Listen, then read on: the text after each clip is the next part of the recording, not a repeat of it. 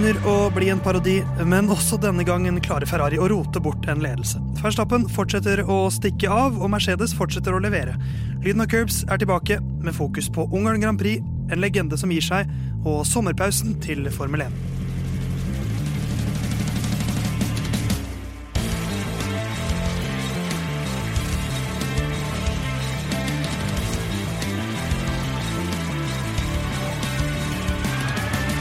Kom august, du skjønne milde. Det drar seg mot høst, faktisk. Eh, Men i Formel 1-verden, rart nok, så drar det seg mot sommerpause. Jeg får ikke det helt til å gå opp. Men eh, lyden av Curbs er tilbake i litt mer vanlige former etter vår lille sommerpause, hvor vi fortsatt har holdt det gående. Eh, Theis sitter fortsatt bak spak og klaff bak miksebordet her på Radio Nova.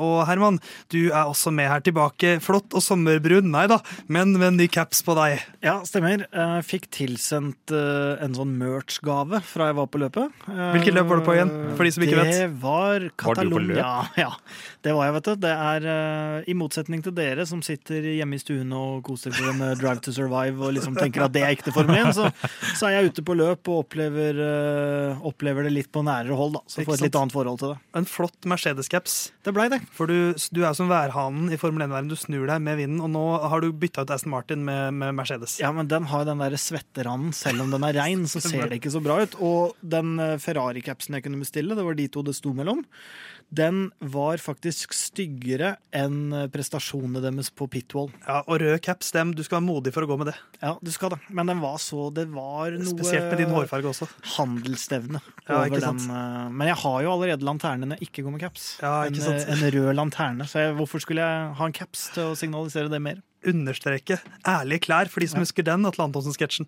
Eh, Jon Halvdan, du husker sikkert ikke den, men du husket å dra deg hit i dag. Du har tatt av deg capsen, for du hadde på deg caps i stad. Eh, Ja, det regnte, men jeg syns ofte caps er bitte litt eh, ubehagelig eh, under eh, hodetelefoner. Men eh, det er jo veldig hyggelig å være tilbake her. Jeg har vært på tur i gamle Kalmarunionen. Ja. Eh, Så eh, eh, løpet ble sett i Stockholm. Eh, Ikke live. eh, Da var jeg eh, i et, en eller annen berg-og-dal-bane.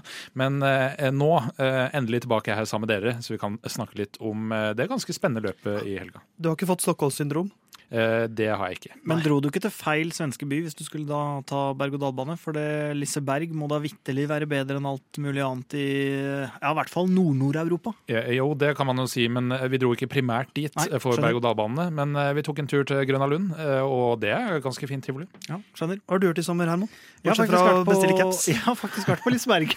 Så det høres kanskje ut som jeg har fått en plass i markedsavdelinga der, men Og ikke. du har har fått. Stockholm-syndrom. Eh, jeg har fått, ja, på vegne av Liseberg, Ja. så har jeg det. Eh, men nei, hva har jeg gjort? Jeg har faktisk jobba. Eh, ikke gjort noe spesielt. Jeg har spilt helt latterlig mye padeltennis. Ja, ikke har sant? Paddle, paddle, paddle, paddle. Flere dager så har jeg spilt to ganger om dagen og sånn, så det, det har vært eh, latterlig mye. Og en liten sånn der eh, side note på det. Jeg har bare blitt dårligere. det er ikke tull engang. Jeg har blitt vesentlig dårligere da for da. Er det SPMM i tenni- eh, padeltennis òg? Eh, hva er det? Eh, Skill-based matchmaking. Altså, ja, det kan, kan ha virka sånn, faktisk. Nei, eh, jeg har jo bare jobbet i sommer, men jeg, var en tur i, tur i Italia eh, i juni. Det er så lenge siden at det er ikke verdt å snakke for mye om. Men det er en episode av Lyden av Curbs. Eh, Det har vært løp i helgen, og det er den 23. episoden vår. Og da har jeg jo med noen fun facts om tallet 23. Jeg. Det er førernummeret til din favorittfører, Herman. Alexander Albon. Ja, Nok en favorittfører Ja, ja. som var bra i Jeg liker å bare gi deg masse roller. Ja. Det er også samme antall løpseiere som Nelson Piquet, tre ganger verdensmester på 80-tallet, og Nico Rosberg, en av dine favoritter, Jonathan, fordi han slo Louis Hamilton. Og da liker In du han automatisk. equal machinery, som han Ja, er veldig opptatt av å eh, si sjøl. Eh, Så Nico Rosberg også med, med så mange titler. Eh, Nei, løpsseire, én tittel bare. Og Michael Schumacher, litt flere titler der. Men han var da 23 år gammel da han tok sin første Formel 1-seier. Ja. Det var i Belgias Grand Prix eh, 30. august 1992. Eh, Da var vel vi Jeg var i hvert fall født. Var var du født. født. da, Jon? Eh, Jeg var også født da. Ja, ikke sant? Vi var født alle sammen, men Ja. vi var ikke veldig gamle. Nei, det var vi ikke. Men det jeg fikk med meg av alle de her 23 faktaene dine, Ja. det var på en måte skuffelsen i ditt ansikt når ikke vi spurte hva du hadde gjort i sommer. Før alt det her kom. Det Ja, er det jeg sitter igjen med. Ja, men Det har jeg jo lært at dere, det er ingen av dere to som er interessert i meg. Men det skal jeg prøve å ta meg litt sammen med. For jeg, Ja. den, det var, jeg så på en måte Du testa oss, og så sto vi liksom ikke til Ja. Vi sto ikke til ståkarakter. Jon Halvdan har klart å huske det et par ganger. Eh, Jeg tror fortsatt vi har til gode at Herman drar opp det. Så neste uke Herman, så forventer jeg at du spør meg hvordan det går med meg. ja, For det kanskje trenger jeg å prate om noe en gang. Ja, det er sant. På lufta, selvfølgelig. Ja, ja, selvfølgelig. Vi deler alt. Eh, Men denne uka så skal vi holde oss til Ungarns Grand Prix. Vi skal også se litt eh, fram mot sommerpausen. Og så skal vi prate litt om Sebastian Fettel og Fernando Alonso. Og kanskje om en nykommer som heter Oscar Piastri. Men vi begynner med Ungarn Grand Prix.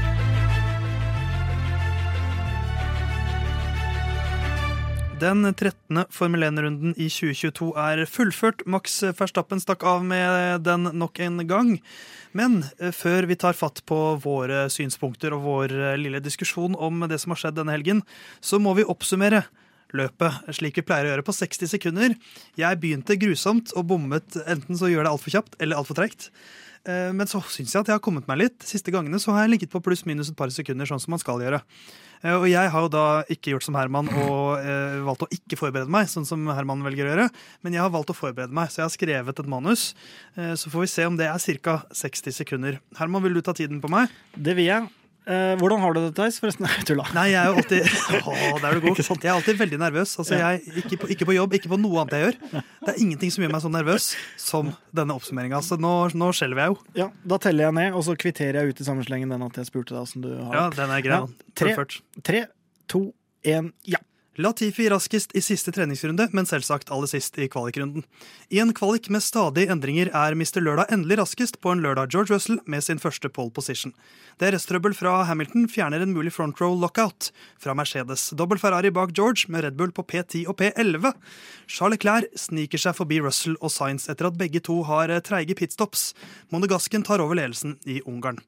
Verstappen på vei fram i feltet pitter for andre gang på runde 39 av 70, og Ferrari får panikk. På neste runde går Leclerc inn, øh, og Ferrari får da en enda en god idé. Vi gir Charles harde dekk. Tempo daler på de harde dekkene, og Verstappen fiser av gårde til en kontrollert seier i siste del av løpet. Men han legger inn en 360 graders fuck you til alle de andre for å vise hvor suveren han er i år.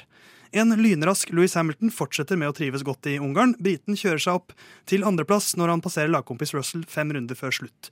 Bak de to verdensmesterne og en trolig fremtidig verdensmester følger Sainz, Perez og Charles Leclerc.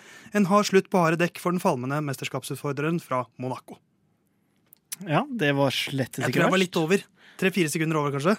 Ja, hvis du holder den på tre. Så 1.02,27 Ja, var det. så det er ikke verst i meg å være. Nei, nei. Eller bare, det er ikke verst uansett. Nei, det er ikke verst, det. Og du hadde jo faktisk litt eh, innhold der òg. Ja, jeg syns det. Hvordan jeg, jeg løser det.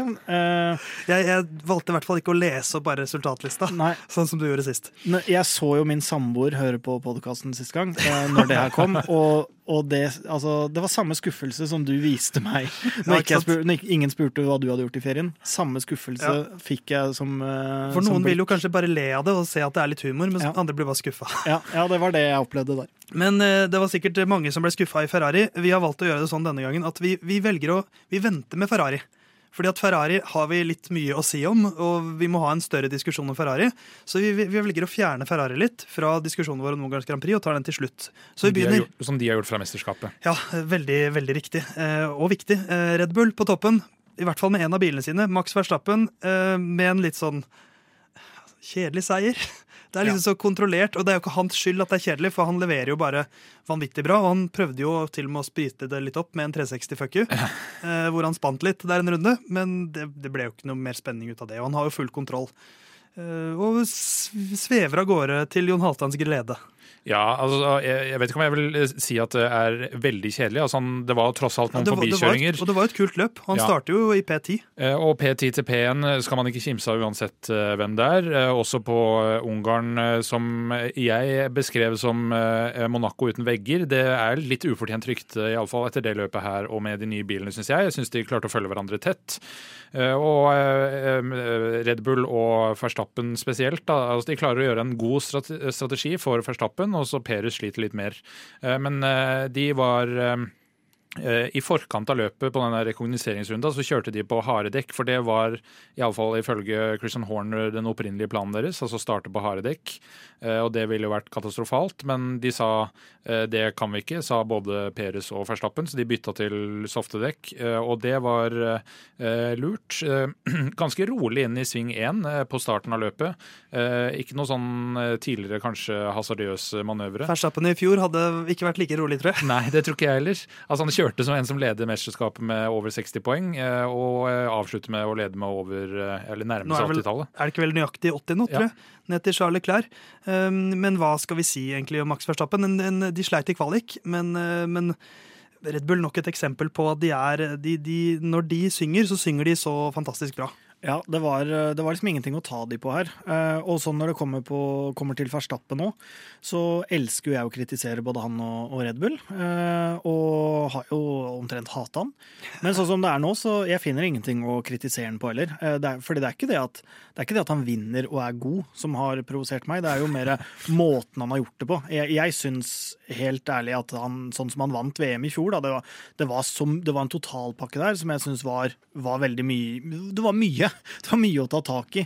Eh, nå er det ikke det. Han kjører eh, forholdsvis eh, clean, elegant, bra på radioen. Nå skal, trenger ikke alle være helt Sir Louis på den radioen, som, som Max hørtes ut som han hadde gått Louis Hamilton-skolen. Men allikevel, så det er sånn, det var bare bunnsolid. og jeg hater ikke på at han vinner når han gjør det på den måten han gjør nå. Og Nå er det ni løp igjen, Jon Halvdan. Han har vel nå ni løpseiere, 80 poeng å gå på. Så det, så det, er jo få skjær i sjøen. Men jeg har lyst til å spørre, hva skjedde i kvalifiseringen her for Red Bull sin del? Eh, det var, eh, Først så hadde han en lockup eh, inn i sving 1 eller sving 2 i, da, i Q3. Første, man kjører det gjerne to ganger. Og Første runde så han hadde ikke en respektabel tid da, og fikk problemer med hybridsystemet, denne MGUK-delen av motoren, som er det som ligner på vanlige hybridbiler ellers på veien. Uh, og det sa de vel også at det var flaks at den kom da, fordi den kunne ha kommet uh, f.eks. på vei til griden, for den hadde nok kommet uansett, og da hadde ikke løpet blitt noe av for Verstappens del. Så sånn sett hell i uhell at han finner ut at det er noe gærent med motoren. Men de viser jo igjen at de er jo ikke skuddsikre Altså, de har feil på motoren og bilen, de også, men noe mer heldig kanskje, og flinkere på å utnytte Eh, det de har, iallfall i løpet her, enn eh, andre konkurrenter eh, på griden. Og så handler det jo også litt om fravær av konkurrenter. Altså Jeg ser rask ut jeg, hvis jeg løper mot pensjonister, men hvis jeg løper mot deg, Herman, f.eks., så ser jeg kanskje ikke like rask ut. Kommer an på distansen. Ja, det er, det er et veldig godt poeng. Men et, et, lag som er veldig gode på å stå distansen her i år, det er jo Mercedes. Nå er de vel 30 poeng bak Ferrari i, i konstruktørmesterskapet, og jeg synes, altså Av alle lagene så er jo egentlig de mest interessante nå. Fordi at Der føler jeg potensialet begynner å, å, låses opp, Herman, som vi har snakket om så lenge. Og de var kanskje en DRS-trøblete Hamilton-bil unna en front row lockout. Mm. Og da kunne vi snakka om løpseier, tror jeg. Ja da, for det er jo det er litt enklere å forsvare seg hvis de er to mann der oppe. Eh, og litt med, med strategi og, og, og sånne ting. Hamilton har jo veldig bra tempo hele helgen. Det har han. Eh, så det er, eh, det er, spennende å følge med på. Og, og, hvordan det vil bli i sesongen og sesongene som kommer. Kommer den her regelendringa eller innstramminga fra Fia på, på, akkurat hvordan gulvet skal være og, og det her, så kan, det tipper jeg jo er i fordel Mercedes. Jeg jeg kan godt se for meg et scenario hvor den regelendringa, hvis den hadde blitt innført nå, så hadde Mercedes vært eh, helt der oppe. Eh, det ble jo selvfølgelig bare spekulasjoner, men, men at de er litt på feil side av det og på en måte er avhengig av den regelendringa, det tror jeg jo, for de virker jo til å pushe, pushe hardt på det nå. Men, eh, men, jeg antar jo og håper for deres del at ikke de går all in på det, for de må jo fortsette å, å utvikle bilen ut fra de premissene som ligger der nå, og det ser jo ut som de er på, på god vei til det, men fortsatt et stykke unna den helt topptempo, virker det som. da. Men, men, der de er nå, da, så er de mer til bry altså De skader Ferrari sine uh, tittelsjanser mer enn Red Bull sine. fordi uh, hvis de tabber seg ut, så er nå er Mercedes der. Det er ikke sånn uh, at de er som McLaren f.eks. helt ute av det. at man har ikke fritt spillerom der foran. Det er to og et halvt lag, hvis man kan si det. altså det halve laget i Mercedes. Eh, så altså, de ser, ser, bedre ut nå. De tar jo andre- og tredjeplass. Spørs om ikke Hamilton i hvert fall hadde vært i nærmere Verstappen hvis han hadde hatt lik strategi, altså soft medium medium, for han starta på medium dekk. Og fra P7. Ja, og altså, har flere gridplasser eh, foran. Så hvis han hadde samme strategi som uh, Russell hadde, som jo kjørte soft, medium, medium og Verstappen, så tror jeg at uh, ja, det hadde nok blitt litt fight til døra der, mer enn det det ble i løpet sånn som det ble nå. Det virka som om Hamilton etter målgang hadde tro på at vi kunne vunnet i dag med litt, litt heldigere startposisjon og litt litt heldigere sånn strategisk utvikling. Men nå har altså Hamilton seks podieplasser. Det er, kun, altså det er like mange som Science, og det er kun Max Verstappen som har flere. Uh, og han har vel nå fem på rad. Uh, og Mercedes med 2-3 og 2-3 de to siste løpene. Uh, de er jo på en måte antipoden, det motsatte av Ferrari nå.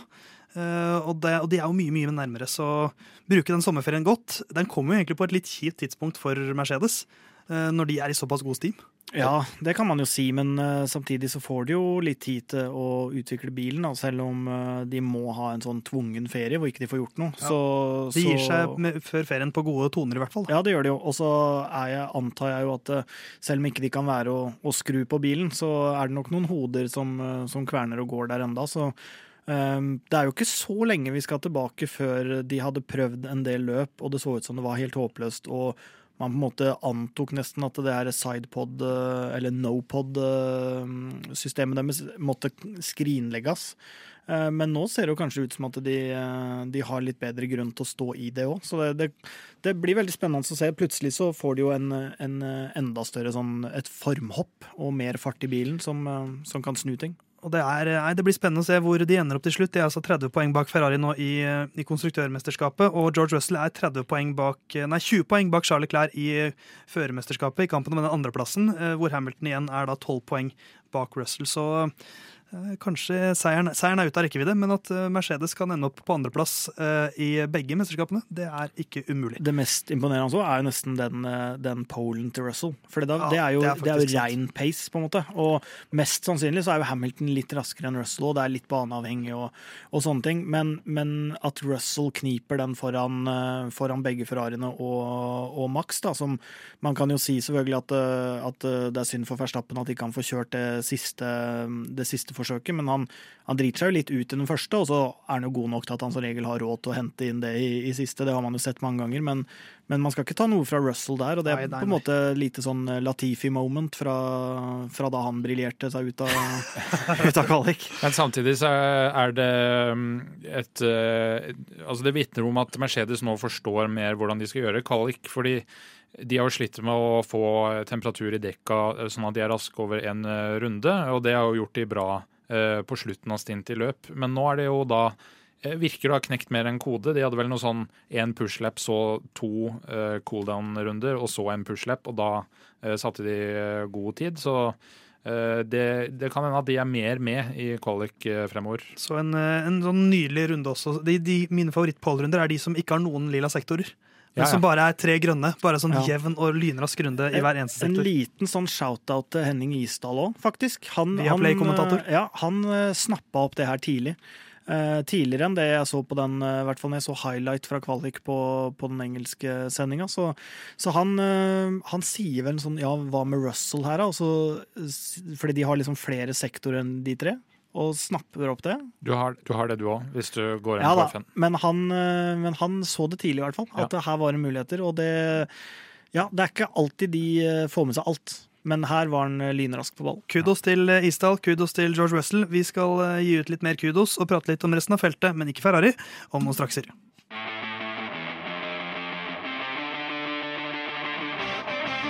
Vi må eh, se litt nedover på resultatlista. Vi har da Verstappen, Hamilton, Russell og Science på toppen, bare for å gjøre litt sånn som Herman liker å lese resultatlista.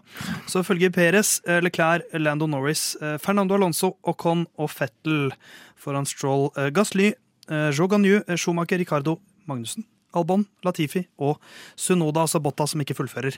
Men eh, jeg vet ikke helt hvor vi skal begynne. Skal vi ta, altså, det er jo litt sånn samme verset vi synger hver uke, at Lando Norris leverer, og Ricardo eh, leverer ikke helt. Men jeg vil si at denne gangen så For han, han legges vel over på harde dekk.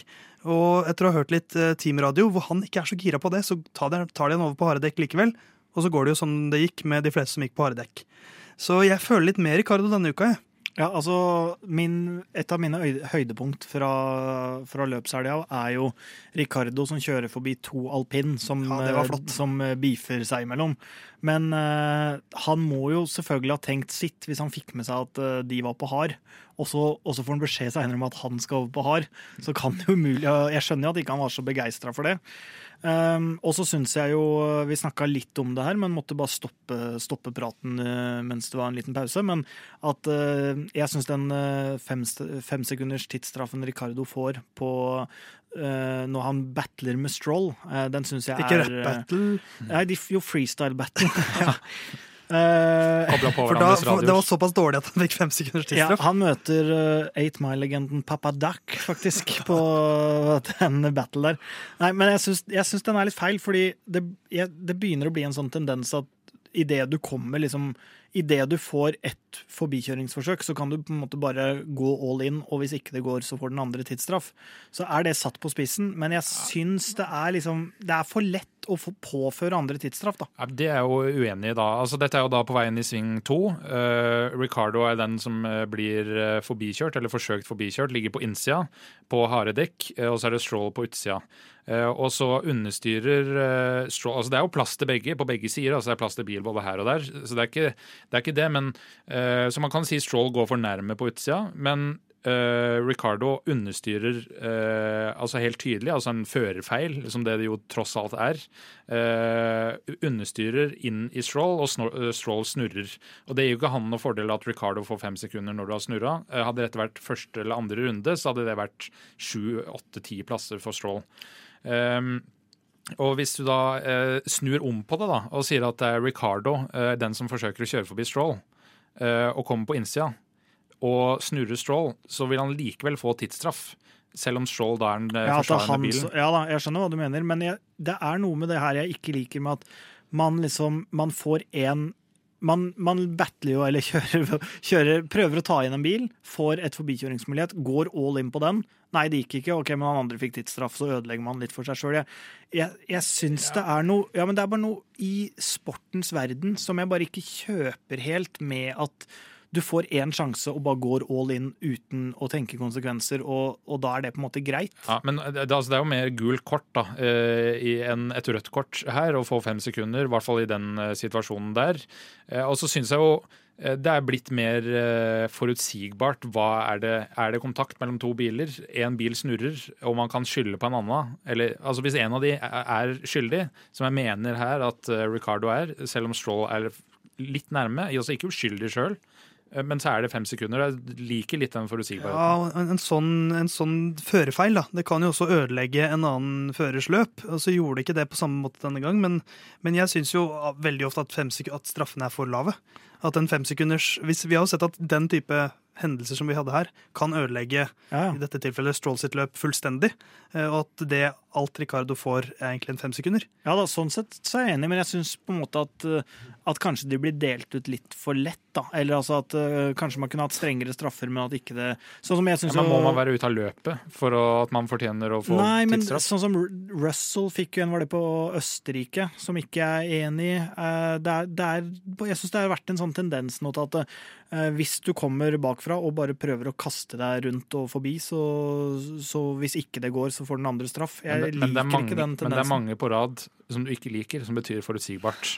Du er bare uenig. Ja, det, det er sant. Det er Ja da, det kan jeg ikke argumentere mot. Men uh, Norris fortsetter jo å levere finfin syvendeplass. Eneste Eh, som ikke ble lappa, faktisk. Ja, det er sant. Uh, av, av alle. Eh, altså fra Første som ikke ble rappa, Ja. eller bakerste som ikke ble rappa. Ja. ikke sant. Eh, På sin syvendeplass eh, så følger jo dobbel Alonso, men, eh, nei, Alonso og Con, dobbel alpin. Og så dobbel Aston Martin, nok en liten fight mellom Fettel og Stroll.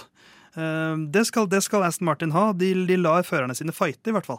Ja, De fikk vel beskjed om å hold station til vi er forbi Bottas. Eh, Da var det Fettel bak Stroll, men han kom seg forbi til slutt og fikk det ene poenget han ikke fikk forrige runde. Ja, stemmer. Eh, Så eh, ja, det er jo, de får litt TV-tid av det, og det er jo viktig for sponsorene. Når det er kun ett poeng det kjempes om, så syns jeg det er Ja, greit. for, for Aston Martin, de har jo når skal de skal, Kommer de til å bli en slags sånn For Hver gang man snakker om William, så er det sånn Vi skal bli store igjen. Vi var, vi var store før i tiden. Mens Aston Martin, da er det alltid Vi skal bli kjempestore ganske snart. Bare vent. Vi satser skikkelig. Det er jo som alpin, det. Ja, og så føler jeg liksom at i årets sesong så har det ikke vært veldig De, de har en sjetteplass, og så har de en åttendeplass, og så er det kun niende- og tiendeplasser. Og De har 20 poeng, og de har poeng i ganske mange løp. Men, eh, men også, de er så dårlig kvalik. Hva er det som skjer der i runde etter runde Men, etter runde? men nå er det ikke nødvendigvis at den satsinga de gjør, er noe som Nei, men Er det Lauren Stroll-advokaten her igjen, eller? det er ikke gitt at det er noe På som med den andre capsen nå, Herman, ikke Mercedes. Det er ikke noe som er gitt at vil få avkastning den sesongen Nei, her. den, den ser jeg jo selvfølgelig. Sånn at uh, Ifølge min gode mann uh, Lawrence Stroll, så er det jo vært en femårsplan hvor de skal begynne å kjempe om VM. Uh, den blei utsatt på grunn av Jeg tror ikke helt på det sjøl. det, er, det er det nye Williams, bare steget over. Nei, men, men Nei, alpin er det. Det er- det er Ja, nyere nå. ja, det er sant. det er litt uh, trumpsk uh, retorikk over Og du er Lawrence svak for det. Og det er veldig Mao Zedong å ha femårsplaner òg. Ja, Det er sant. men jeg syns liksom ikke vi skal altså, I hvert fall som ambassadører av uh, fans av sporten. Jeg sier ikke at vi er ambassadører av sporten, men ambassadører for, for fans av sporten. Så er det begrensa hvor mye vi skal kimse av det òg. Ja, ja, ja. Vi skal, altså, der er ikke fasit eh, Nei, så, ennå. så det kan godt hende at om fem år så at de er oppi der. Det, jeg tror ikke det, Det nå, kan selvfølgelig skje. men det kan være. Men jeg kan også si om fem år så er vi Norges største podkast. Men Det kan skje. eh, man, man må helst ha Ikke noen, Norges største, nei. eh, noen tiltak for å nå dit. jeg tror vi må investere litt i sosiale medier for å, for å vokse litt mer der. Men, eh, men et lag som eh, du også liker, Herman, er jo Has. Eh, Etter to veldig gode løp i Storbritannia og Østerrike, så er det to litt svakere løp. Hvor de ikke har vært like pregende. Null poeng de siste to. Hva skjedde med fremgangen? nei det er et Er Kevin for gæren i huet sitt? Jeg syns ikke nødvendigvis det, jeg, altså, men, men det er det er vanskelig å sette fingeren på. Det virker som Skal vi legge så inn på mikk? Ja, bare- kritisere Mick. Det er en fallitterklæring at uh, den nye oppgraderte bilen som ble kjørende av uh, Kevin Magnussen, eh, er den som fullfører bakerst. Og han uh, klarer jo å ta vinga på første runde igjen, og det var helt sikkert ikke hans feil, og bla, bla, bla, men han, klarer, han er en sånn magnet for å ødelegge bilen på første runde. Og det betyr dataen er ikke verdt noen ting, fordi vi vet ikke hvor mye Altså, de har jo mye data, men for oss så ser det jo det ser jo helt idiotisk ut at eh, den originale bilen som de kjørte i Bahrain, er raskere enn eh, den oppgraderte bilen som de har venta på i månedsvis. Jeg syns det var veldig strengt mot både min, min mann Kevin og, og Has. Eh, men hva som har skjedd, jeg kan ikke svare på det. det er, jeg syns liksom den derre ah, han er hothead, ass. Det var derfor ikke det funka. Jeg, jeg, jeg syns det også er litt for enkelt. Han går jo også tidlig ut på hard. Han blir sendt ut på hard, og det går jo Ja, ganske det, dårlig. Da har de jo ingen data, for de måtte jo inn. De fikk jo uh, black and white flag. Altså, du må inn og bytte den vinga. OK, hva skal vi gjøre? Vi har ingen data på de harde dekka, men OK, vi setter på de. Så det forstår jeg, og det er noe av forklaringa på hvorfor det går så dårlig. Men eh, likevel, man kunne unngått å ta vinga også. Ja, Men den honeymoon-perioden mellom eh, Has og Magnussen, den er jo, den er jo over. For det, det så jo ut som liksom, når han kom tilbake i sirkus at uh, her hørte han hjemme. Det var helt åpenbart, og kanskje nesten i en bedre bil òg, liksom. Og så nå, det er ikke like åpenbart nå, altså. Det er det ikke. Nei, på ingen måte. Men eh, et lag som vi også må innom, er jo alpin. eh, Med en åttende- og niendeplass. Alonso og Con fortsetter å følge hverandre litt. Eh, Hva, hva skal vi si om alpin her, eh, Jon? De drar litt ifra i kampen om den fjerdeplassen nå. Ja, det gjør de. Jeg Med mindre Ricardo kommer seg. Ja, jeg syns det Altså, sånn overall da, så ser de ut som laget med best momentum der nede, eh, altså i midtfeltet. At det er de sannsynligvis som kommer til å ta fjerdeplassen i konstruktørmesterskapet. Uh, Alonso var vel ikke veldig fornøyd med Ocon sin forsvaring på første runde. Uh, never have I seen defense like that in my life. Historieløst å si når du har vært med i Formel 1 i 80 år. Ja, Han har det, bare at det ikke Ja. virker sånn der og da. Og han har stått for noen sjøl. Eh, men eh, det de jo da gjorde, som var en eh, generaltabbe og et værvarsel for senere i løpet, var å pitte til mediumdekk. Nei, harde dekk. Og de, det var ganske mye kaldere på søndag enn det det var spesielt på fredag, men også på lørdag. Og dataene som man hadde fra fredagen, de var ikke gyldige. Og de harde dekka fikk man ikke opp i temperatur. De holdt lenge, men de hadde ikke pace. Så eh, det var et dekk eh, ingen burde pitta til etter at de så pinnen eh, pitta til de harde dekka. Men de blir eh, nummer åtte og ni likevel, eh, nå på 99 poeng. Eh, for de som lurer, det er da Mercedes som er på plassen over deres med 304 poeng. Bak dem selvfølgelig McLaren med 95 poeng. Så det er Formel 1, og så er det Formel 1,5, som er alpin og McLaren. Og så Formel 1,75 kanskje, som er Alfa Romeo. Og så har du Formel 2 nesten, eller Formel 1,99 med Has, Alfa Tauri og Aston Martin. Og så har du Formel 3 med Williams. Ja. For de har tre poeng. Eh, vi setter strek der for de lagene som vi ikke bare skal kjefte på. Og så skal vi om ikke så lenge gå ordentlig i dybden på hva i alle dager som skjedde i Ferrari.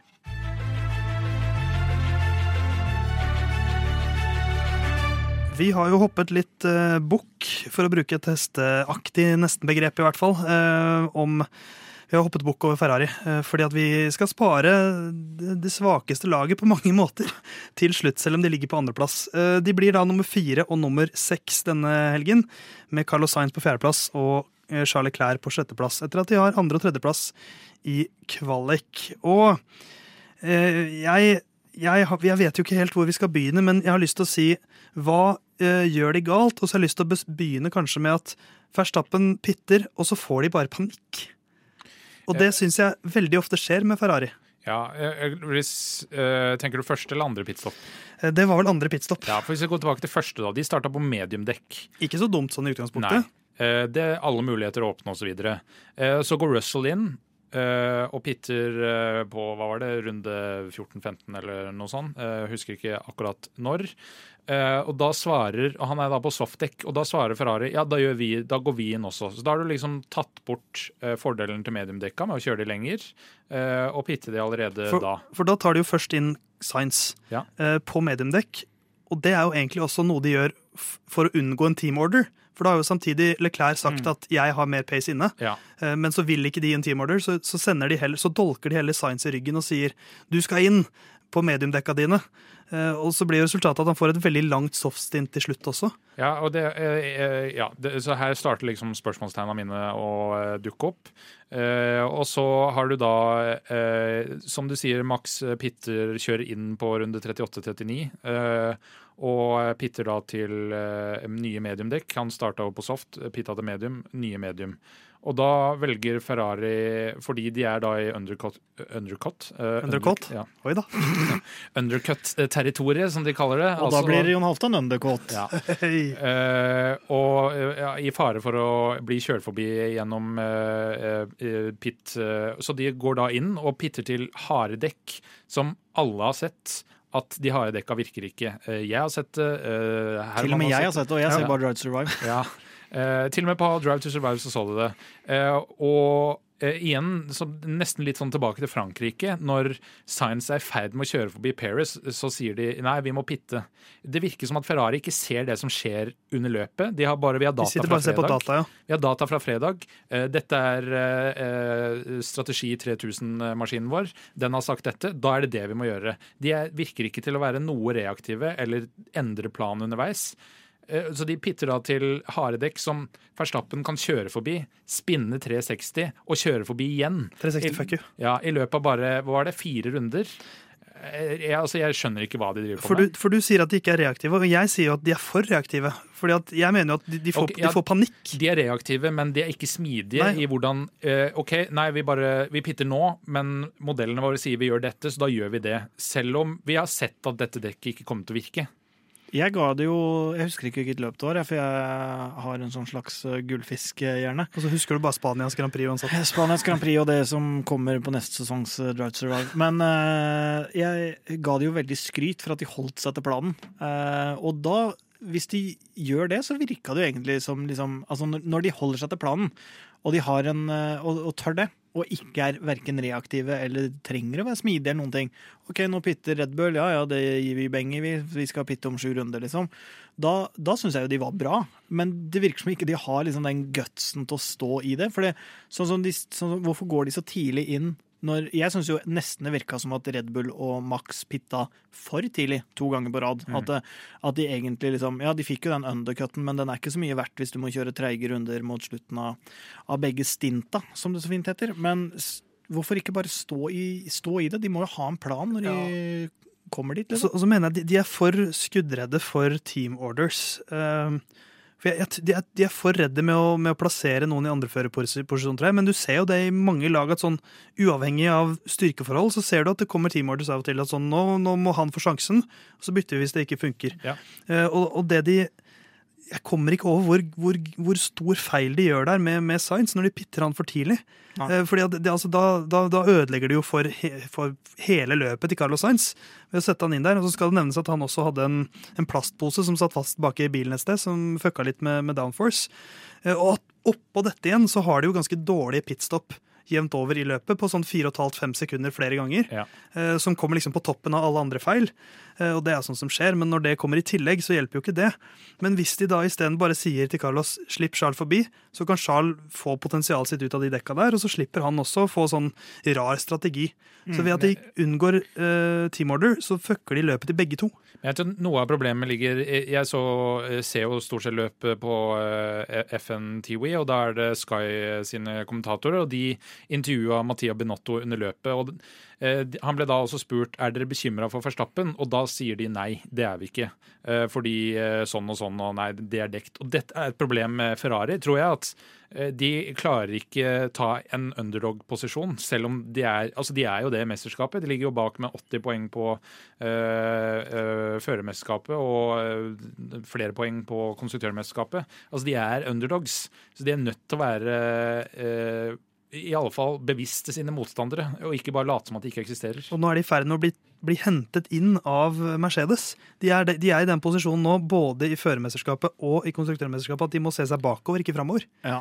Men, Etter, etter den kjempebilen de egentlig har. ja, men, men det jeg syns er merkelig, og du er inne på det, Theis, er at det er greit nok at ikke de vil ha en førstefører og en andrefører. Og det trenger de ikke ha. Nei. De må bare kunne si ja, team orders. jeg tenk- ja, for det tenker jeg jo egentlig er nesten det beste for de. Fordi de trenger, Hvis ikke de har en førstefører og ikke har en andrefører, så ok, uh, nå er Sainz raskest, slipp han forbi, han har mulighet til å vinne løpet. Ja, perfekt. Ja. uh, ja, nå, nå er Leclerc raskere, nå har han mulighet til å vinne løpet, slipp han forbi. Ok, så går det opp og, opp og ned og fram og tilbake, som han sier.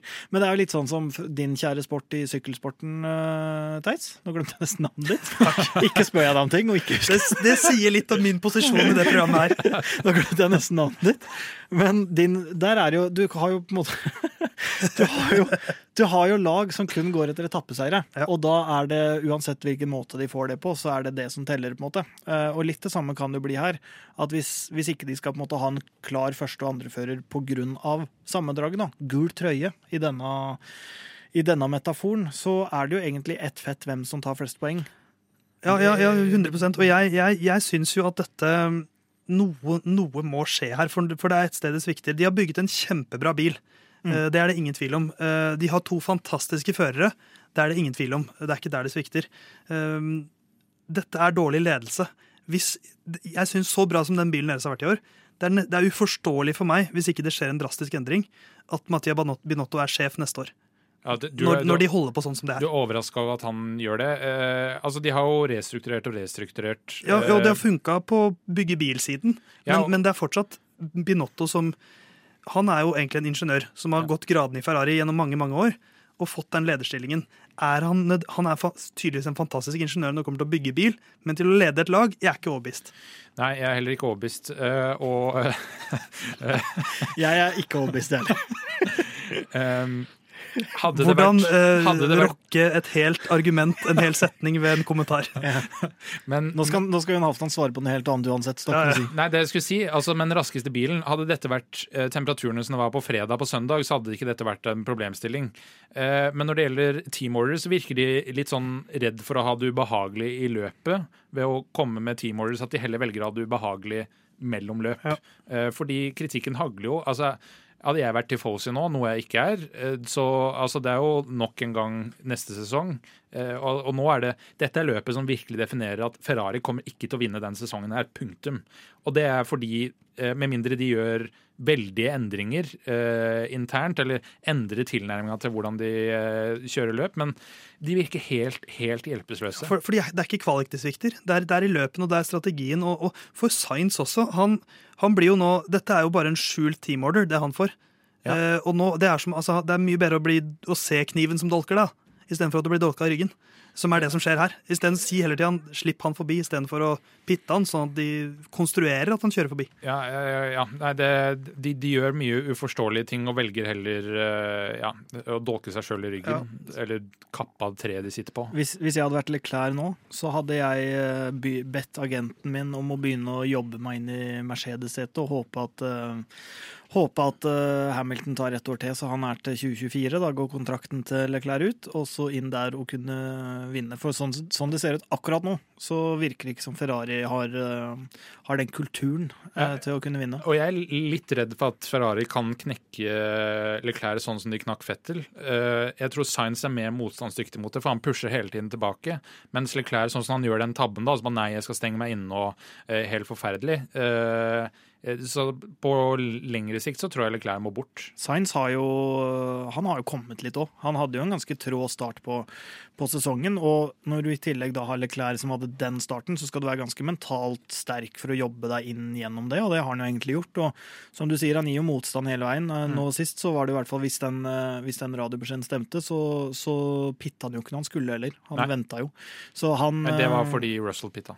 Ja, ja da, men, men han, han, tenker i hvert fall sjøl. Men ja. han har vel også skjønt at hvis han skal kunne vinne løp, så må han styre den pit-strategien fra bilen sjøl. Han kan ikke stole på noe. Ja. Han har skjønt det som Fettel begynte å skjønne.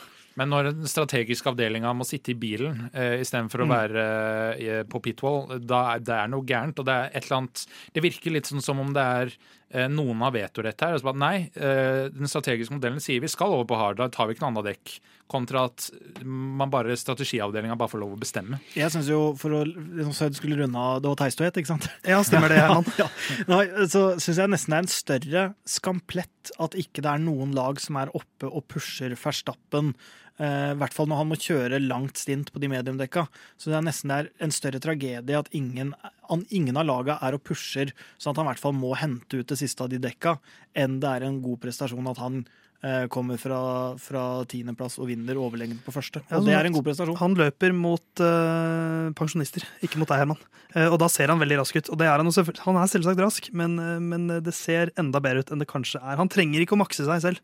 Eh, selv om han heter Max. Men eh, det var vår lille slakt av Ferrari. Vi får se om vi var noe bedre denne helgen.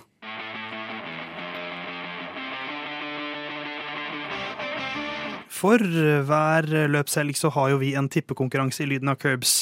Eh, og denne helgen så gikk det jo ikke så veldig bra, for å være helt ærlig. Vi har plukka greit med poeng de siste helgene. Men Herman, du tippet Louis Hamilton som vinner foran Russell og Alonso. Det, du hadde jo to riktige på podiet, så du får to poeng av det. Mens du, Jon, tippa Leclerc, Verstappen, Science. det er dårlig, ass. Ja, jeg skal ikke putte Ferrari på noen podium igjen. Uh, jeg var enda dummere. Jeg tippa Leclerc, Science, Hamilton. Uh, så det blir ett poeng på oss begge to, uh, Jon. For vi har én fører på podiet, men på feil plass. Så ett poeng der, da. mens du, Herman, hadde begge alpin fullføre foran Ferrari i, i ukens Sjukingtippingen, hvor vi prøver å tippe en sjuk hendelse som skjer. Og sånn som vi har snakket nå, skulle man tro at du traff der, men du gjorde det jo faktisk ikke, fordi at de slo begge alpinene. Mm. du, Jon, tippa vi får en seiersdebutant. Det uh, fikk vi jo ikke. Nei, og vi var ikke i nærheten av det heller, egentlig. Nei, var ikke det. Etter kvalik, så. Ja. Det så bra ut etter kvalik. Og så føler jo jeg at jeg på en eller annen måte så var jeg i nærheten av noen da jeg sa Has tar flere poeng enn Red Bull, selv om jeg ikke var det. Men etter kvalik så gikk jo på en måte det som skjedde med Red Bull, det skjedde. Theis, du var mye lenger unna jeg var kjempelangt både unna, meg og Herman. Men jeg vil fortsatt si at det at Red Bull fikk en dårlig start, da, da tenkte jeg at her har jeg noe. Ja. Has dreit seg jo ut, så det var jo ikke nærheten av noe. Så da får vi eh, ikke så mange poeng denne uka. Men Herman, du leder 53 poeng inn i sommerferien. Ja. Mens Jon har 51, og jeg har 43. Så dette er fortsatt veldig åpent. Bare 10 poeng mellom han beste og han dårligste, som heter Theis. Ja, riktig. Bra dere følger med.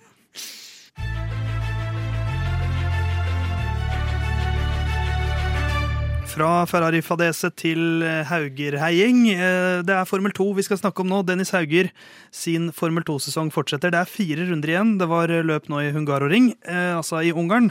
Og det gikk jo ikke så veldig bra. Nei, Jeg trodde du skulle ta fra Ferrari-fadese til Hauger-fadese. Ja, ja, men jeg ville ha bokstavrim, så da ble det Hauger-heiing isteden. Ja. Ja. Det var jo eh, eh, en akseptabel kvalifisering. Ja, det syns jeg. Åttendeplass, det, eh, det er greit. Eh, Og da starter han da fra tredjeplass i sprintløpet. Eh, Jeg skal være helt ærlig at jeg ikke har sett det her. Jeg har sett høydepunkta. Du er en sånn en, ja. Han, eh, jeg, jeg leser ikke bare opp resultatlista. Eh, Oi, grynta jeg til og med. Så fornøyd av egen vits at jeg grynta. Men uh, inn i sving én i sprint, sprintløpet så uh, bli, blir den én skive i en sandwich på vei inn i sving én. og spinner rundt, og motoren stopper. Og da løp over. Tar for store sjanser, eller, Herman? Ja, det syns jeg er åpenbart. Altså, du kan Du, du er Mamma sa alltid det, må være to personer til for å krangle. Og litt sånn ser jeg på alle, alle så å si alle krasjer. Det kreves to for å danse tango. Ja, og det kreves to for å krasje i Formel 1 ja, og. Formel 2. Sånn at det er, det er godt mulig Jeg kan jo åpenbart, eh, som vi snakka om tidligere, så kan jo jeg åpenbart ingenting om hva som er rett og galt i en sånn situasjon, men du er i hvert fall ansvarlig for å ta den bilen inn i svingen på en best mulig måte, og navigere ut fra, fra premisset. Og det syns jeg ikke han gjør på en best mulig måte, og han kunne kjørt den svingen annerledes. Jeg, jeg syns det er eh, en dårlig prestasjon. Og enten det er hans feil eller ikke, så er det dårlig. Ja, og litt sånn valg, det valget å ta også. Nå, nå har han egentlig siden seieren hans i Baku, så har han egentlig hatt en ganske elendig eh, periode. Han har ett løp med poeng. Eh, Det var featureløpet i, i, i Østerrike. Så jeg tenker at han bør jo nå bare begynne å prøve å sanke litt poeng. Og når han har en god startposisjon i sprintløpet, kjør for all del safe i første sving, da, selv om du taper to plasser på det. Han har allerede tatt plasser. Altså, eh, det der, når du har to biler i det ene bakspeilet, og så velge å ta svingen som at det ikke er der, er litt inntrykket jeg har. Eller i hvert fall han trodde det bare var én. Eh, det syns jeg er eh, eh, litt eh, ja. Eh, idiotisk, eller eh, bare manglende erfaring, da. Som er vel eh, hyggeligere å putte det på den knaggen der. Så ja, nå, han, han daler jo ned til, til tolvteplass nå, eh, for det går ikke så mye bedre i, i featureløpet. Det er jo starter i åttende startposisjon, det er mange poeng å kjempe om. Eh, han tar raskeste runde, da, men han ender jo på nittendeplass. Ja, det var det vel eh, dårlig til å ta vare på dekk eh, underveis eh, i løpet. Ja, og så var det litt sånn de venta på, på regn. Ja, de håpa på regnet. Ja, og da var det litt sånn strategi om de skulle det eller ikke. Og etter hvert så ender han opp med å gå inn på en litt ugunstig dekkstrategi, men han, men han bevarte ikke dekka etter best Altså, han bevarte sikkert etter beste evne, for all del, men ikke, den evnen var ikke god nok da, eh, i det løpet her. Så det blei liksom bare med visum, uh, visumat hele, hele det løpet på søndag, og garantert ting som kunne gjort, vært gjort bedre der òg, selv om det er et litt ugunstig eh, utgangspunkt for han, da, sånn som det blei. Men, men er det er, det et eller annet med Prema-laget som ikke funker? Ikke, altså det er jo ikke like mye innblikk man får i, i Formel 2-lagene, men, men Prema har vært et ganske dominant lag. De har vunnet øh, tre av de siste fem sesongene, og nå er de liksom ikke i nærheten, egentlig. De er nede på, på femteplass nå, og det er jo ikke sånn at Dennis nødvendigvis er øh, elendig i Prema. Han er jo en av de som faktisk har levert best i Prema. Eh, Så jeg vet ikke, Vi har jo hatt en del sånne rare strategiske avgjørelser også fra laget. Apropos italienske lag som ikke funker helt. Ja. Eh, altså man kan jo eh, si, eh, forutsatt at Hauger gjør det bra nok til at Red Bull fortsatt vil ha han i akademiet. Det, man må jo også sette ved den lille stjerna, eh, men eh, det er jo ikke utenkelig at de putter han i et annet lag eh, hvis det er åpning for det. Fordi Prema har gjort mye rart, spesielt på kvalik, som har satt i en vanskelig posisjon. For det er jo ikke noe Det er ingen som har bedre biler enn andre. Det er bare driftelaget bedre og også ha bedre førere. Eh, Så eh, andre ting kunne vært gjort, eh, mener jeg, for at de kunne vært i en litt bedre posisjon. Ja, Det er så dristig å gjøre. Det, det er sånn strategi som de ofte har gjort. Da, for De får som du sier, færre forsøk, men friere bane. Men det er sånn, da legger du ekstremt mye press på føreren din i de få få- forsøkene de får. Og å gjøre det i en talentserie, Mm. det er i seg selv ganske dristig, tenker jeg. Eh, Men, men så må vi også legge litt av skylda på Dennis her, som jeg føler vi har gjort. Vi har vært Ja. litt strenge med Dennis. Ja. Eh, For jeg, han må kjøre litt safere nå, ass. Ja, jeg har jo også sagt at uh, eneste grunn til at jeg ser på Formel 2, er fordi at Dennis Hauger skal havne i Formel 1. Uh, og det, det, leverer han ikke til nå. Så jeg følger det litt sånn med et halvt øye og med et litt kritisk blikk. Han er Jeg følger han med et kritisk blikk. Han er min nye Mick, som jeg pleier å si. Vi da lar vi det bli siste, nesten siste ord i praten vår om Formel 2. Det er eh, Formel 2 igjen eh, i eh, Spa når vi er ferdig med sommerferien etter hvert. Og så er det Sandvort, og så er det Monza. Og så er det Jazz Marina til slutt. Så fire runder igjen å gjøre det på, Dennis. Vi vil ha deg over midten. da. Nå ligger han på tolvteplass av 24 førere, så kom igjen da, Dennis. Lever noe snart nå.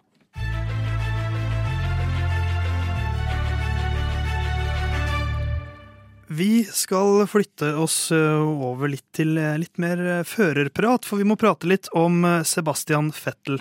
Han offentliggjorde denne for bare noen dager siden, rett før løpet i Ungarn, at han skal gi seg som Formel 1-fører etter årets sesong. La oss høre litt fra mannen selv. I hereby announce my retirement from Formula One by the end of the 2022 season. Probably I should start with a long list of people to thank now. But I feel it is more important to explain the reasons behind my decision. I love this sport. It has been central to my life since I can remember. But as much as there's life on track, there's my life off track too. Being a racing driver has never been my sole identity. I very much believe in identity by who we are and how we treat others, rather than what we do. Who am I? I'm Sebastian, father of three children and husband to a wonderful woman. Og en eh, flott flott fyr er det ingen tvil om at Sebastian Fettel er, eh, og kommer til å fortsette å være. Det var bare litt av hans eh, hva skal man si, annonsering. Du kan få høre hele hans Instagram-innlegg på slutten av denne episoden. Men Sebastian Fettel legger opp fire ganger verdensmester. Fra 2010 til 2013 så dominerte han den ene fingeren han holdt opp ble en provokasjon. Jeg tror det var mange da, Herman, som hatet Fettel like mye som du hater Max Verstappen nå. Eh, men så har han vokst litt på folk eh, i sine, i sine siste år, og nå er det ingen som ikke liker Fettel, tror jeg. Hvordan syns du det er? Hvordan syns du, du kan få begynne, Herman. Hvordan tok du nyheten? Uh, med fatning. Ja. Det har jeg hørt at man skal si. At det, er, det er bra å ta ting med fatning. Uh, Vet du hva det betyr egentlig? Uh, at man er fattet. Ja, hva ja. betyr det? Du spytta ikke ut Det kom ikke som lyn fra klar himmel. Nei, det gjorde det ikke. Og, og jeg tok Jeg dro på huet, sendte den her beskjeden videre til de jeg kjente, og ja, det var egentlig ganske som forventa, vil jeg si. Men, eh, men, det er jo alltid litt sånn merkelig når, eh, når, det faktisk skjer. Men det blir jo litt sånn eh, som om mitt kjære Man United nå plutselig skulle selge Ronaldo, da. At han ja. ender om ikke være der, så er det sånn Ja, det det er jo 50-50 om det skjer eller ikke. det. På et eller annet tidspunkt så, så skal det jo skje. Så ja, det litt trist. Jeg syns han er en kul fyr. Og så har han jo på en måte forsvunnet litt fra Han har forsvunnet litt ut i periferien når han ikke er så høyt oppe på resultatlistene lenger, Jon. For han, han, har jo vært med lenge, siden 2007. Da fikk han sine første starter. Mm. Men så er det jo etter 20, altså 09, da han, da han kom seg over i Red Bull, da var det noe best i verden. Så det er jo ikke noe hvem som helst som gir seg. Det er en av de all time greats. Ja, ja, og han har jo ja, vunnet fire konstruktørmesterskaper, 53 seire. Men kanskje det mest imponerende er ni seire på rad-rekka han hadde i slutten av 2013-sesongen. Uh, og uh, absolutt hata for uh, hvor suveren han var. Men, men, Red Bull var mindre suveren enn det Mercedes var i perioden etter. men altså, det er jo kjipt når den forsvinner. Jeg syns kanskje det er litt for seint. Uh, syns epilogen i Aston Martin etter han ble kasta på huet ut av Ferrari, var litt vond å se, egentlig, av en ganske god fører. Men han har jo andre ting som han har lyst til å drive på med. Han starta også Instagram for å legge ut den posten her. Så litt sånn spennende å se om han kommer til å bruke den mer til påvirkningsarbeid eller noe lignende fremover. Men uansett, det er jo alltid trist når noen forsvinner, men sånn er det jo. Og han har vært ute av eh, hovedbildet en stund. Ja, og så er jeg litt enig i at det er litt trist å se at, han, at det på en måte fader ut. Men samtidig så syns jeg han har i de siste årene fått en litt sånn Han har, fått, han har vokst. Han har kanskje forsvunnet litt ut som toppidrettsutøver, men mennesket Sebastian Fettel har jo steget veldig i anseelse. Og se måten han har brukt plattformen sin på. Eh, det har han jo ikke gjort før nå de siste årene. Og kanskje han trengte å bli litt eldre, sånn som han ofte trenger å bli for å klare å sette fokus på andre ting. Og han, det var et intervju han hadde med en, en Formel 1-journalist, hvor han, Formel 1-journalisten før det her ble offentliggjort, jeg spurt han du, når du en gang forsvinner, hvem skal da eh, hvor skal da eh, disse stemmene du legger fram, komme fra? Og da hadde Fett bare sagt Instagram. Ja. Og det hadde ikke han journalisten skjønt før Nei. nå. Ja. Så at, at, at Fettel har planer om å liksom være en, en pådriver for viktigere ting enn sport, det, det tviler jeg ikke på. Men, eh, men vi skal selvfølgelig prate mer om Fettel, og, og det kan vi kanskje gjøre i sesongpausen. fordi at historien er ikke fortalt ferdig, han har noen løp igjen. Eh, Men da eh, Fettel forsvant, så åpnet det seg jo et sete hos eh, Aston Martin.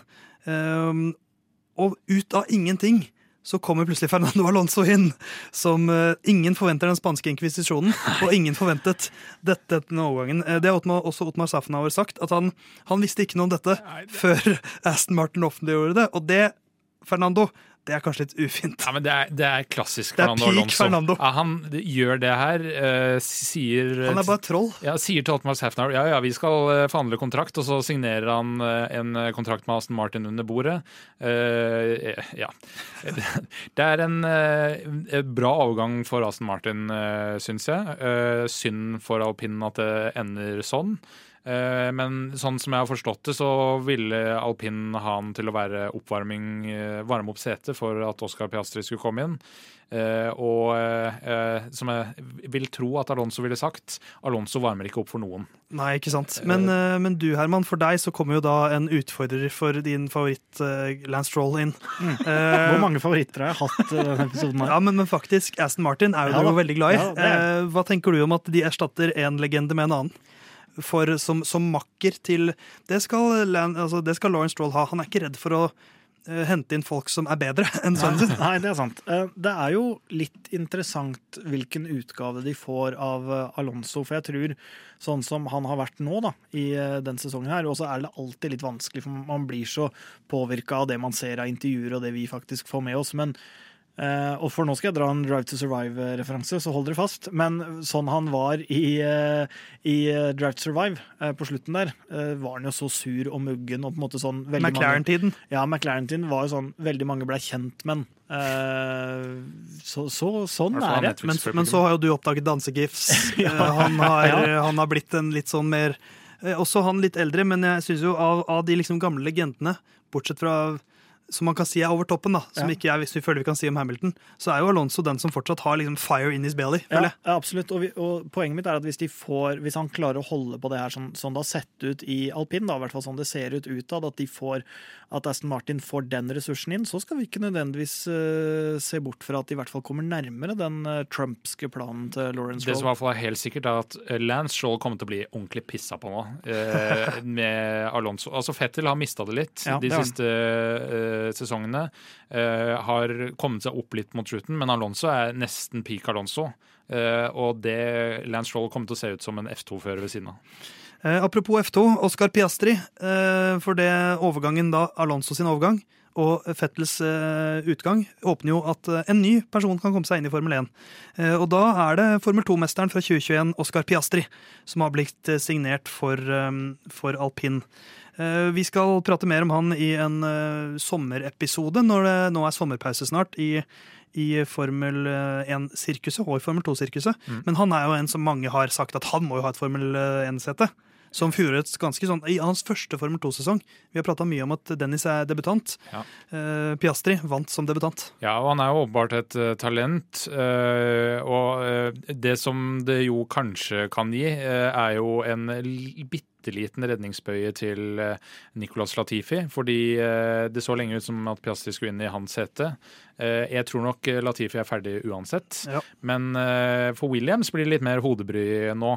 For alpinen så Det er jo helt vanskelig, veldig vanskelig å si nå et ubeskrevet blad i Formel 1 hvordan han kommer til å gjøre det opp mot Ocon, men jeg syns det er gøy at vi får inn nye talenter. Ikke sånn all verdens til erfaring. Nå jo, har jo Ocon kjørt, kjørt Formel 1 en del år, men Det er jo ikke sånn kanskje typisk eh, førerlineup som vi, som vi ser i de fleste lag, med, med eh, Ocon, da, som blir den rutinerte karen. Eh, Det er jo litt utradisjonelt, kanskje, men Det er, det er mer Ricardo eh, Verstappen, da de putta Ja, Verstappen ja. inn i Red Bull, eh, enn at det er eh, Mick Schumacher og han russiske.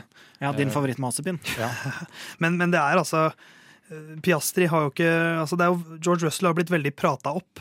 Ikke bare av Toto Wolff og, og de gutta der, men også av Britisk presse. eh, britisk presse og vi som ser på FNTV med Sky Sports-kommentatorene. Der er det fornavnet. Det er George. Ja. Det er en av få førere som de kun omtaler ved fornavn. Jeg snakka med han tidligere i dag, og Ja. så. Eh, Så han jo, har jo ekstremt høy stjerne der. Eh, George Russell vant jo sin første Altså han vant jo Formel 3 og så Formel 2 to år etter hverandre. Mm. Eh, Det har jo også Oscar Piastri gjort. Så vi snakker her om et, et ekstremt talent. Eh, Det må vi understreke. Ja, Samtidig så er jo eh, Formel 2 er jo litt avhengig av hvem som er der det året. Altså, Selvfølgelig. eh, Verstappen vant jo ingenting før han gikk inn i Formel 1. Så det han er- var jo også et barn. Ja, absolutt. Men, men det er ikke nødvendigvis gitt at det betyr så mye. Men det betyr iallfall at han var best av de Formel 2-førerne som var der da. Han har CV-en, Ja. og så er det ikke alltid det betyr at du er god i jobben. Nei. Eh, Så mer om Oscar Piastri siden, men eh, Fettel eh, forsvinner, Alonso forblir. Og vi skal prate litt om sommerstemning i Formel 1 nå. Theis fra klipperommet her. Ting beveger seg virkelig fort i Formel 1-verdenen. Mens vi satt i studio og trodde at Oscar Piastri var helt klar for alpin, så har Oscar Piastri selv skrevet følgende på Twitter. Jeg leser det på engelsk, så lykke til. I understand that without my agreement, Alpine F1 have put out a press release late this afternoon that I'm driving for them next year. This is wrong, and I have not signed a contract with Alpine for 2023. I will not be driving for Alpine next year. Så Alpine har meldt at Piastri kjører for dem i 2023. Piastri melder selv at han ikke kjører for Alpin i 2023. Så fullstendig kaos der. Vi aner ikke hva som skjer. Mer om det i neste ukes episode. Tilbake til eh, programmet.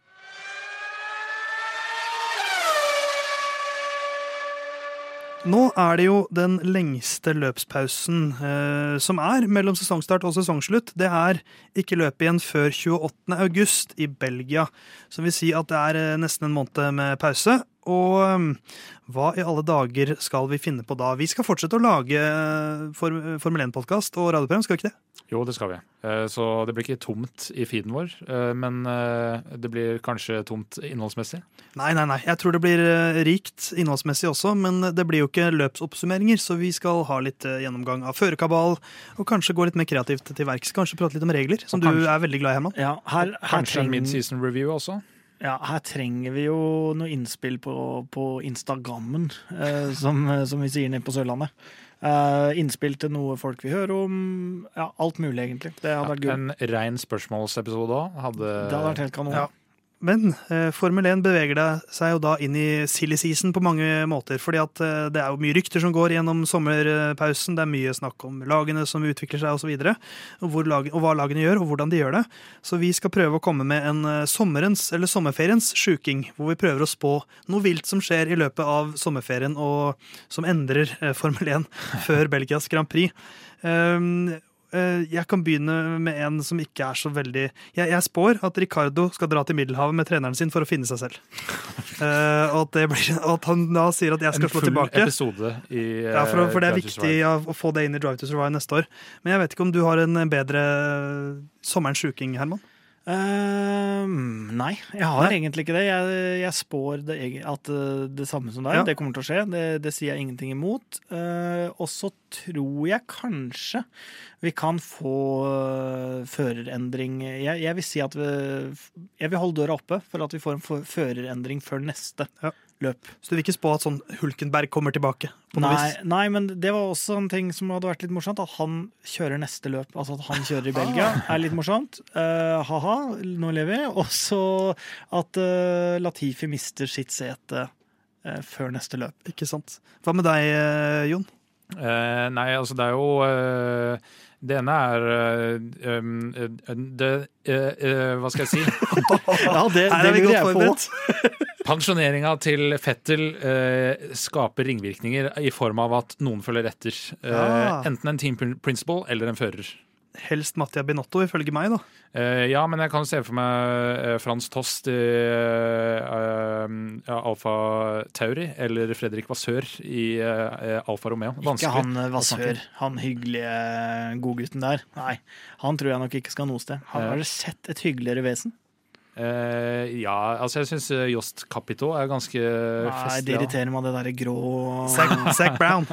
Ja, men ikke hyggelig. Nei, nei men det, for det er noe som jeg har Det, det kunne jo også vært en fin ting skje, og, og som kunne skjedd i sommerferien. At Zac Brown bare inviterer alle på grill party. Eh, hvor han står ved grillen. Se for deg, se for deg Zac en Weber. Eh, står der med forkle og flipper noen burgers. Men så er- Sliders. Men så er Ricardo i California, så Ja. han får ikke blitt med. Nei, han, er, Og, han kan ikke det. eh, så han faller enda lenger ut Ja. av McLaren. Men jeg, jeg hørte jo gjennom de her eh, var det Beyond the Grid det heter, Ja. eh, med, og da med Toto Wolff. Hvor han sa at det var før et Silverstone-løp for noen år siden, så hadde han invitert alle Team Principles over på middag. Og det hadde bare blitt krangling. Det hadde vært, det han sa, det var, helt, det var helt kaos. Så, de hadde, så han hadde av og til sånne middager hvor de møttes noen, eh, noen stykker, men da var det aldri mer enn to-tre. For det var helt kaos. Ja, Så Det blir for mange haner som skal markere seg. Ja, rett og slett. tror jeg på. Um, apropos, jeg, jeg, jeg har jo en, en litt drøyere spådom, som er at Nikivita Masepin gjør comeback. Nei, uh, men med kanadisk statsborgerskap. uh, og han bytter navn til Nicolas Lamazepin. og, og det er sånn Latifi forsvinner. Ja. At, at han har gått gjennom en slags uh, hårtransplantasjon og fått senka det hårfestet litt. Men får han uh, nytt statsborgerskap på hva da, 18 måneder? Har du nok penger, Ja, ja, ja, Jon ja. Så får du det. Ja, men Et kanadisk pass og kanadisk statsborgerskap er ikke det samme. Det var jo, jeg tror det var Qatar prøvde å kjøpe Kjelling og Løke sitt stat, statsborgerskap statsborgerskap ja, i håndball eh, for å spille mesterskap på hjemmebane der på tampen av deres karriere. Og da skulle de få Lamborghini og leilighet eh, i en av de største byene der. Jeg tror det var Qatar, men det kan ha vært et annet land. hadde foretrukket penger, altså. Ja, men de hadde vel fått det òg, Ja. mistenker jeg. Kanskje, så Det er jo en drøy spådom. En annen spådom jeg har, er at Louis Hamilton bytter idrett. Eh, for nå har han jo kjøpt seg inn i en ny idrett, Herman. Ja, eh, det var eh, amerikansk fotball. Ja. Eh, var det, hvilket lag var det igjen? Eh, Bron Broncos. Broncos, var det. Denver. Denver Broncos, ja. Eh, Gamle laget til Peyton Manning, eh, Ikke sant? hvis ikke jeg husker helt feil. Så... Jeg hører du sier ord, men de betyr ingenting for meg. Nei, det er jo eh, ekte fotball, vet du. Så, For Hami- meg som er så Hamilton som en slags Han kunne jo sikkert vært en fin uh, wide receiver. Jeg vet ikke om han er kjapp. Nei, jeg tror ikke han er kraftig og stor nok. Kicker. Han er jo britisk, sikkert god til å sparke ball. Ja, han er nok mer enn kicker. Ja, Ja. Det vil jeg nok tro. Men eh, jeg, jeg, jeg tror ikke han hadde passa inn i amerikansk fotball. Nei, kanskje ikke helt. Selv om han har litt den schwungen. Han har, han har vært Ja, fin ja. sånn- i når de går inn i Ja, garderoben. yes, der han har vært veldig Ja. sterk. Jeg tror det blir annonsert at et lag kommer til å skifte navn. uh, enten Alfa Romeo eller Williams til Audi. Alfa- Ah, der har vi jo en fin spådom, faktisk. Alfa Romeo har vel signert ny kontrakt med Sauber, hvis jeg ikke har hørt helt feil. Ja, men tyskere har mer penger enn italienere, så Ja, det altså, går bra. Da overbyr det jo det i så fall. Jeg vil ikke tro det. Kommer Masepin-familien din og trumfer hele dritten. Men, Men jeg har en spådom til. siste spådom fra Herman. Ja, At det blir eh, tre episoder uten meg på tampen av august og starten av september. Det er jo værmelding, det er jo ikke spådom. Jo, men det er jo en spådom òg. Ja, men Vær, værspådom. Ja, du får men, ikke eh, poeng for det her. Nei, men samtidig så prøver jeg å delta, mest sannsynlig fra et eller annet støyete område med trafikk rundt. eller et eller annet sånt. Så, jeg, så spå, hvis spådommen er at det er tre stykker helt uten meg, så er det mer enn spådom. Ja. For da deltar jeg Men ikke deltatt. dette eh, redaksjonsmøtet får vi ta av lufta. Eh, Lyden av Curbs er tilbake neste uke med et tema som ikke kanskje handler om et løp, men fortsatt eh, Formel 1-podkast skal du få hele august også. Jon, du har noen ord? Ja, Send inn spørsmål til eh, DM, lyden av Curbs, eh, på Instagram eller post at curbs.no. Eh, så kan vi kanskje lage en eh, ren spørsmålsepisode. Eh, man kan jo få navnet sitt lest opp, hvis man vil. Det er jo stort i seg selv. Ja. Uh, og tips gjerne en venn om oss hvis du uh, syns vi gjør noe ålreit om Formel 1. Og Herman, du rakk opp hånda også. Jeg vil bare rekke opp hånda, fordi jeg tok et bilde av Jon Halvdan som rakk opp hånda, som skulle be om spørsmål, og det skal jeg prøve å få ut i sosiale medier på et eller annet tidspunkt. Det kommer du til å se på SoMe i medio mars neste år, tipper jeg, hvis jeg kjenner Herman rett. Lyden av Curbs er tilbake neste uke. Ha en strålende start på august.